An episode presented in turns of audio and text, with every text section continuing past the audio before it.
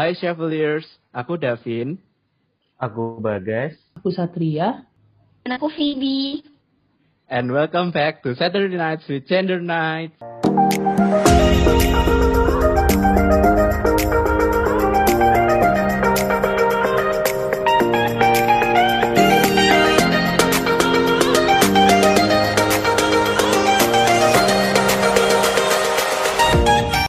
Oke, okay, uh, hari ini uh, kita berempat di sini uh, mau membahas tentang how can we solve sexism.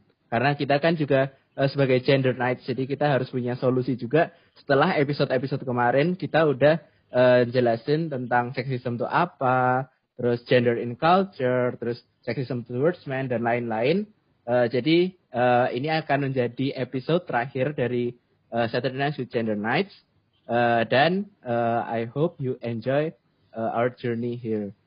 Oke, okay, uh, mungkin langsung aja aku pengen nanya nih ke teman-teman yang di sini ada Vibi, Satria sama Bagas. Uh, menurut kalian uh, how how can we solve sexism? Mungkin kita bisa mulai dari Bagas dulu ya. Uh, Bagas, gimana sih caranya kita solve sexism? Oke, okay, uh, cara solve sexism terutama di era yang lagi modern disruption gini kan kita selalu menggunakan teknologi kan dan uh, ada fun fact gitu sih kayak uh, dua tahun terakhir itu kayak kita ngerasa nggak sih kayak sebelumnya gitu kalau kita nge-search sesuatu terutama di Google Google itu kan salah satu teknologi yang digunakan masyarakat umum gitu kan. Nah dua tahun terakhir itu kayak Google itu mulai uh, sadar gitu loh sama namanya seksisme. Nah Google sendiri dari perusahaan itu kayak mulai ngereformulasi algoritma terutama pakai uh, terutama di uh, Google Image-nya. Nah kalau kalian search Google Image terutama kayak pekerjaan-pekerjaan yang selalu diasosiasikan sama perempuan kayak guru, perawat gitu kan eh, selalu keluarnya kayak gambar-gambar cewek.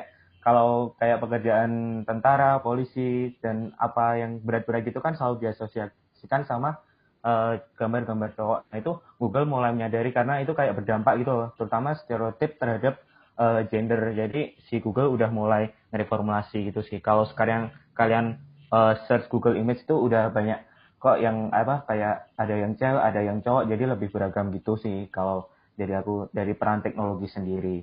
Itu sih mungkin dari aku. Oke, mungkin yang lain Vivi atau Caca mau nambahin? Aku boleh nambahin nggak ya kira-kira? Boleh dong.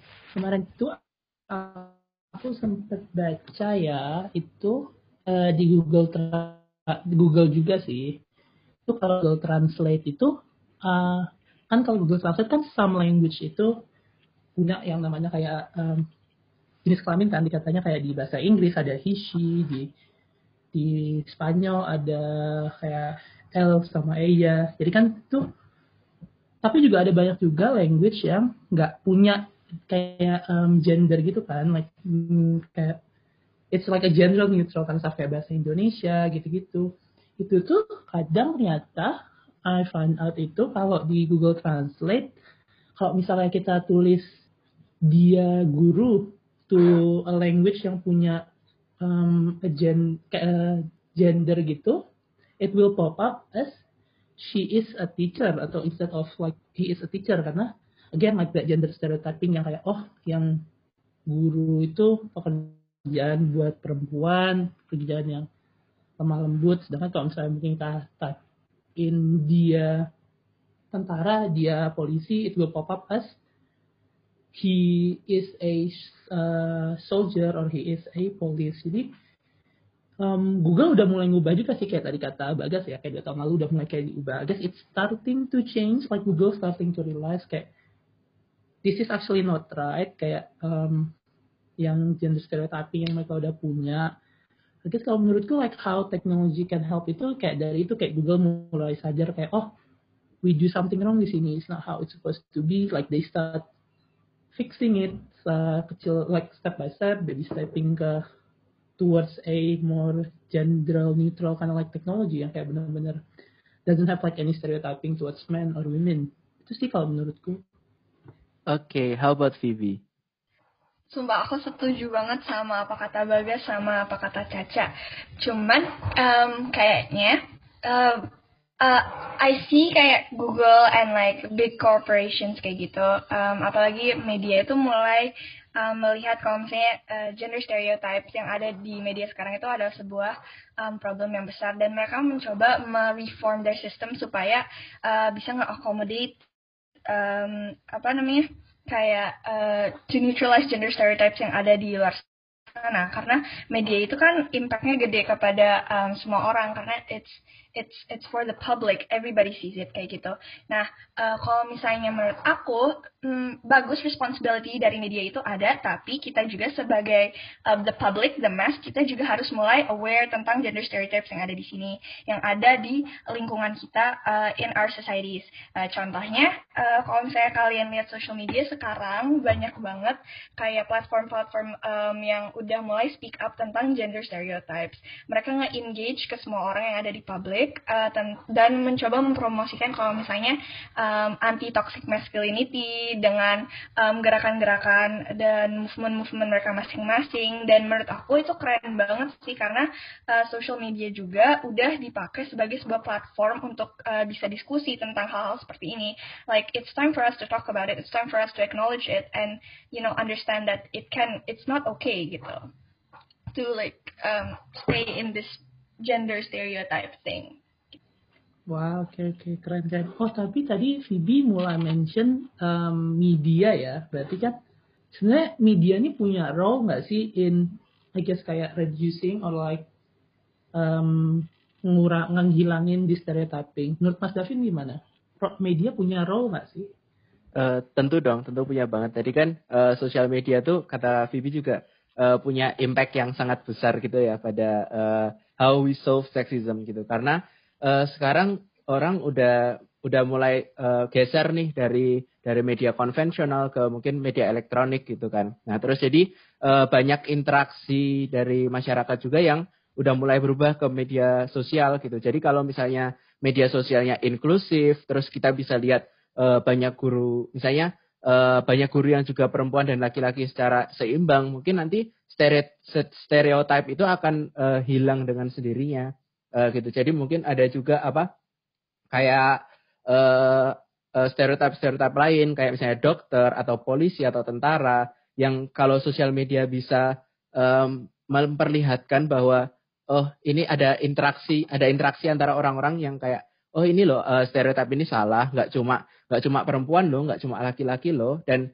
mungkin public public figure juga udah mulai banyak yang uh, gender neutral, terus bisa mengkampanyekan itu, itu kan juga salah satu hal yang dapat um, menyelesaikan seksisme ini juga, walaupun mungkin akan butuh uh, waktu yang lumayan lama, tapi tentu dengan banyaknya aktor yang uh, sudah sadar tentang seksisme itu dan uh, banyak juga uh, public figure yang udah mulai uh, aktif untuk mengkampanyekan. Jadi lebih banyak orang-orang yang mulai menyuarakan. Jadi harusnya juga uh, efeknya lebih mudah meluas dengan adanya sosial media daripada cuma media konvensional aja. Mungkin dari aku itu sih. Wih keren keren. Oh yang ngomongin sosial media ini aku dapat data, aku dapat data dari Statista kalau user sosial media ini di seluruh dunia itu 3,3.6 billion people. Berarti kan bisa kelihatan banget ya kalau social media itu play an important role banget. Di Indonesia sendiri aja, di 2019 itu ada 184,36 miliar orang yang pakai social media. Jadi kan we can really see kayak social media tuh have an important role banget. Kalau Bagas, menurut Bagas gimana? Apakah mainstream media masih masih relevan ataukah benar-benar udah kayak kegusur sama social media kira-kira? Uh, kalau menurutku sih uh, dari mainstream media terutama kayak televisi, kayak siaran kayak gitu sih masih ada relevansi meskipun kayak konsumennya itu kayak mulai menurun dan berpindah ke kayak media sosial gitu ya. Uh, terutama aku sih nge-highlight kalau terutama di generasi-generasi tua itu kan mereka kan masih banyak yang nonton TV karena mereka merasa kayak TV itu punya legitimate informasi yang apa ya, yang yang sah dan terpercaya gitu kan. Nah, aku tuh kepikiran kemarin kayak gimana sih kalau kita bikin kayak iklan layanan masyarakat, terutama kepada orang-orang tua itu kayak sebenarnya ada isu seksisme gini, terus pengaruhnya itu kayak gini, gini, gini, biar mereka itu uh, orang tua itu kayak bisa ngedukasi, terutama ke anak-anaknya supaya kayak stereotip gender itu udah apa ya nggak kayak nggak berlaku lagi kayak udah netral nggak ada bias gender lagi sih Oh ya, terus aku dapat uh, kayak apa statistik juga sih dari Tempo Institute terutama media mainstream di TV. Kayak di 2019 itu kalian sadar nggak kayak narasumber di TV-TV itu kebanyakan itu cowok. Jadi 11% itu disik apa sama cewek uh, sama cowok uh, sama cewek. Jadi dikit lah jumlahnya. Terus tahun 2020 itu udah ada kenaikan sekitar 25%. Jadi kalau kalian mulai kayak uh, lihat-lihat TV itu kayak perempuan-perempuan itu udah mulai diajakin tuh jadi narasumber-narasumber. Terutama kalau kita sering lihat tuh kayak uh, jurnalis-jurnalis kayak Mata Najwa gitu kan. Itu kan cewek sering angkat isu kayak kesetaraan gitu sih. Kalau aku lihatnya masih ada relevansi dan kekuatan ke masyarakat umum terutama masyarakat Indonesia yang masih gunain TV gitu sih kalau dari aku iya oke keren keren keren ngomongin iklan kira-kira Vivi punya pendapat nggak kira apakah ada iklan yang karena promote this of gender stereotype? Menurut Phoebe ada nggak kira-kira? Ya nih guys, jadi uh, kalau misalnya kalian pikir-pikir lagi tentang iklan-iklan yang kalian lihat di TV, kayak misalnya iklan shampoo, kita tuh uh, kalian bisa lihat kan bedanya iklan shampoo yang for men atau for women. Padahal mereka sama-sama di brand brand maksudnya di bawah brand yang sama dan kurang lebih isi shampoo-nya itu juga sama. jadi um, menurut aku uh, kita sebagai konsumer atau sebagai orang yang nonton TV, kita tuh harus benar-benar mulai um, uh, aware tentang adanya gender stereotypes yang ada di TV ini dan um, jangan sampai kalian juga kayak kemakan gitu. Jadi uh, banyak perusahaan sekarang tuh emang marketing strategi mereka itu merilis sebenarnya produknya sama, cuman uh, cuman ada dua tipe aja kayak for men and for women. Padahal intinya isinya tuh sama gitu loh. Kayak misalnya Lego uh, dulu waktu tahun 1990-an atau 1980-an, Lego tuh sebenarnya iklannya tuh gender neutral banget. Jadi cuman iklan tentang anak-anak, ya main Lego gitu. Ada cewek, ada cowok semuanya. Tapi kalau misalnya kalian lihat iklan Lego sekarang, Lego tuh ya sebenarnya sama aja sih kayak dia tuh cuman to building blocks right they are building block toys cuman kalau misalnya kalian lihat ada yang produk yang very female specified, ada yang very male specified. Kayak misalnya kalau yang perempuan iklannya mereka ngebangun castles, mereka ngebangun istana. Kalau yang laki-laki mereka ngebangun misalnya jembatan atau mereka ngebangun um, pabrik gitu-gitu. Padahal intinya kan they're, they're the same toys with the same purposes kayak gitu.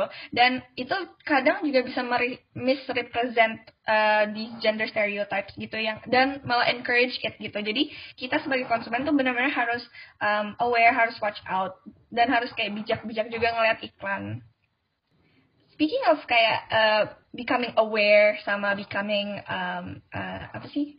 Kayak kita uh, becoming more aware of this uh, gender stereotypes.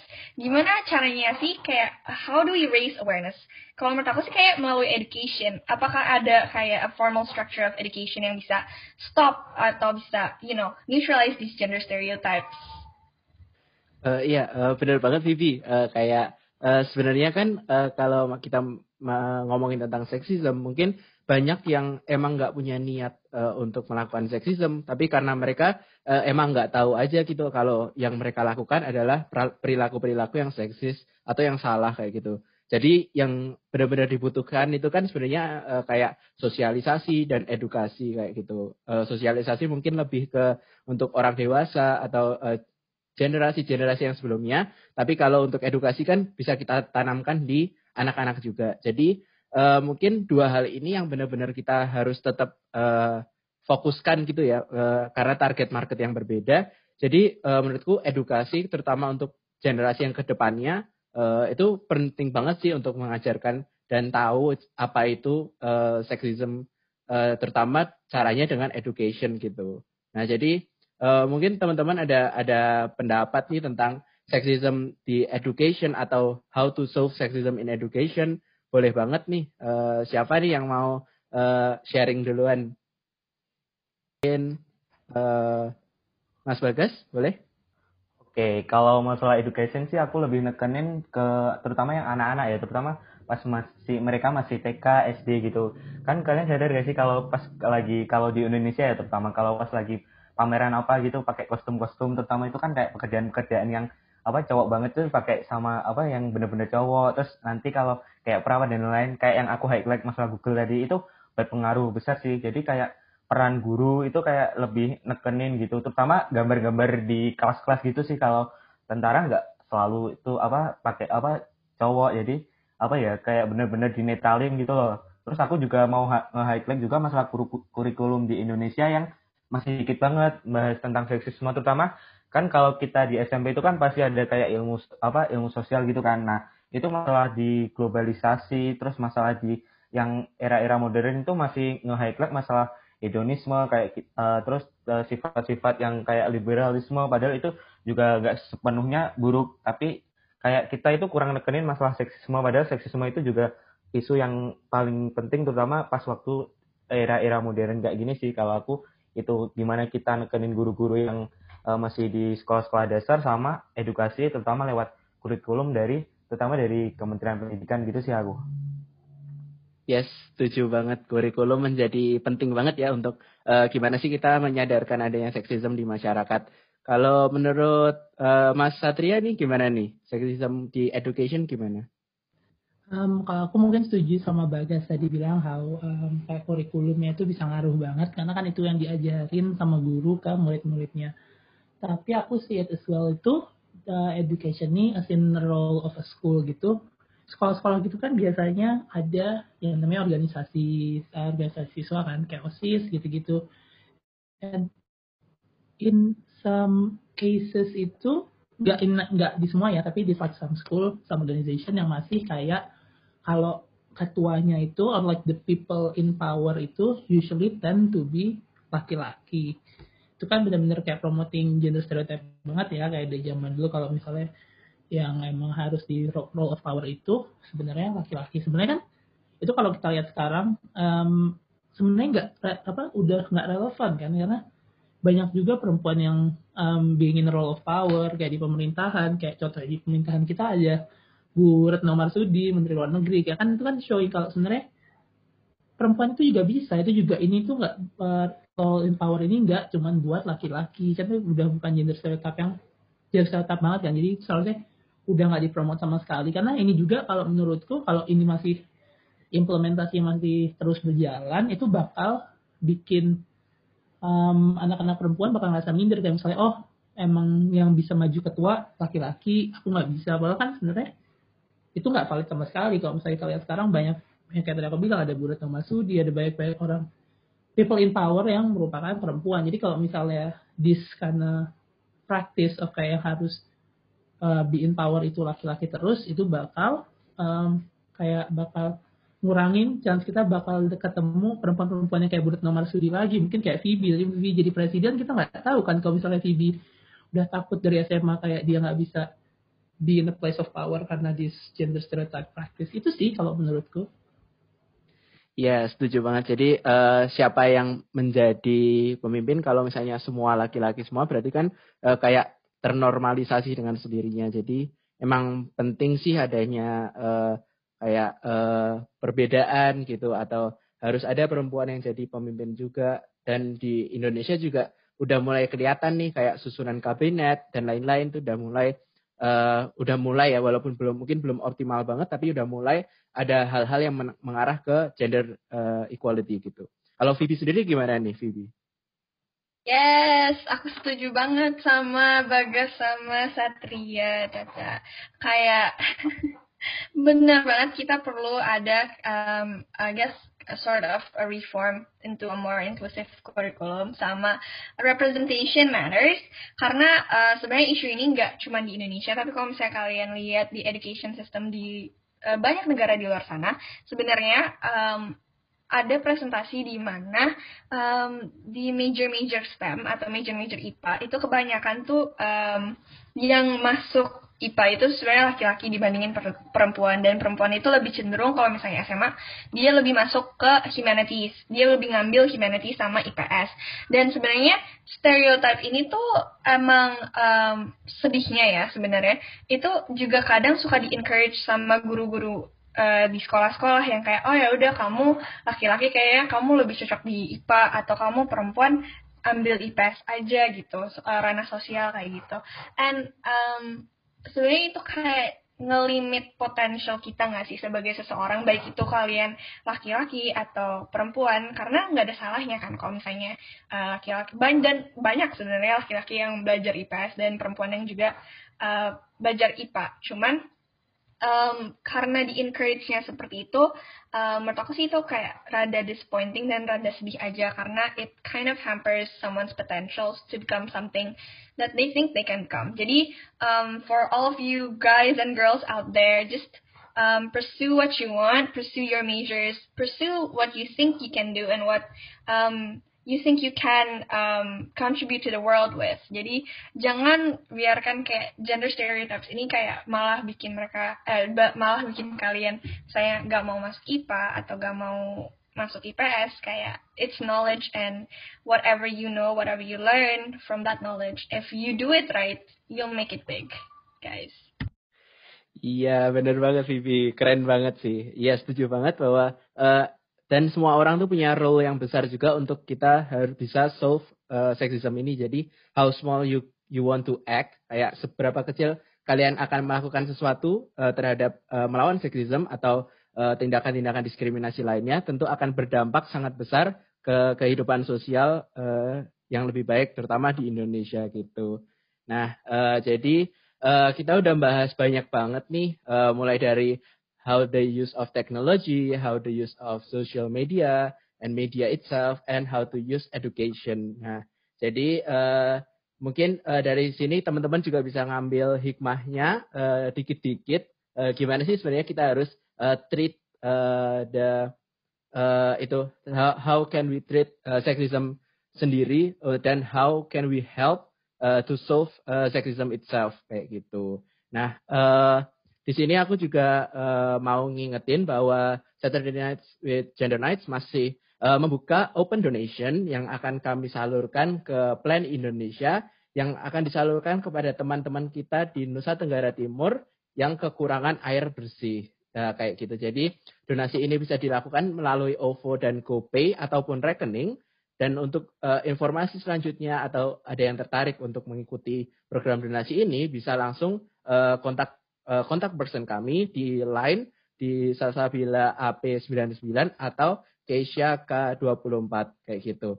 Nah, jadi uh, terima kasih teman-teman, uh, terima kasih Vivi, terima kasih Satria, terima kasih Bagas udah bergabung di episode uh, dari Saturday Nights with Gender Nights kali ini dan ini adalah uh, episode terakhir dari kami juga. Uh, thank you guys for listening uh, the whole uh, episode uh, dan uh, I can say see you again tapi uh, thank you udah dengerin uh, Saturday Night with Gender Nights and uh, thank you from all of us. Uh, so goodbye everyone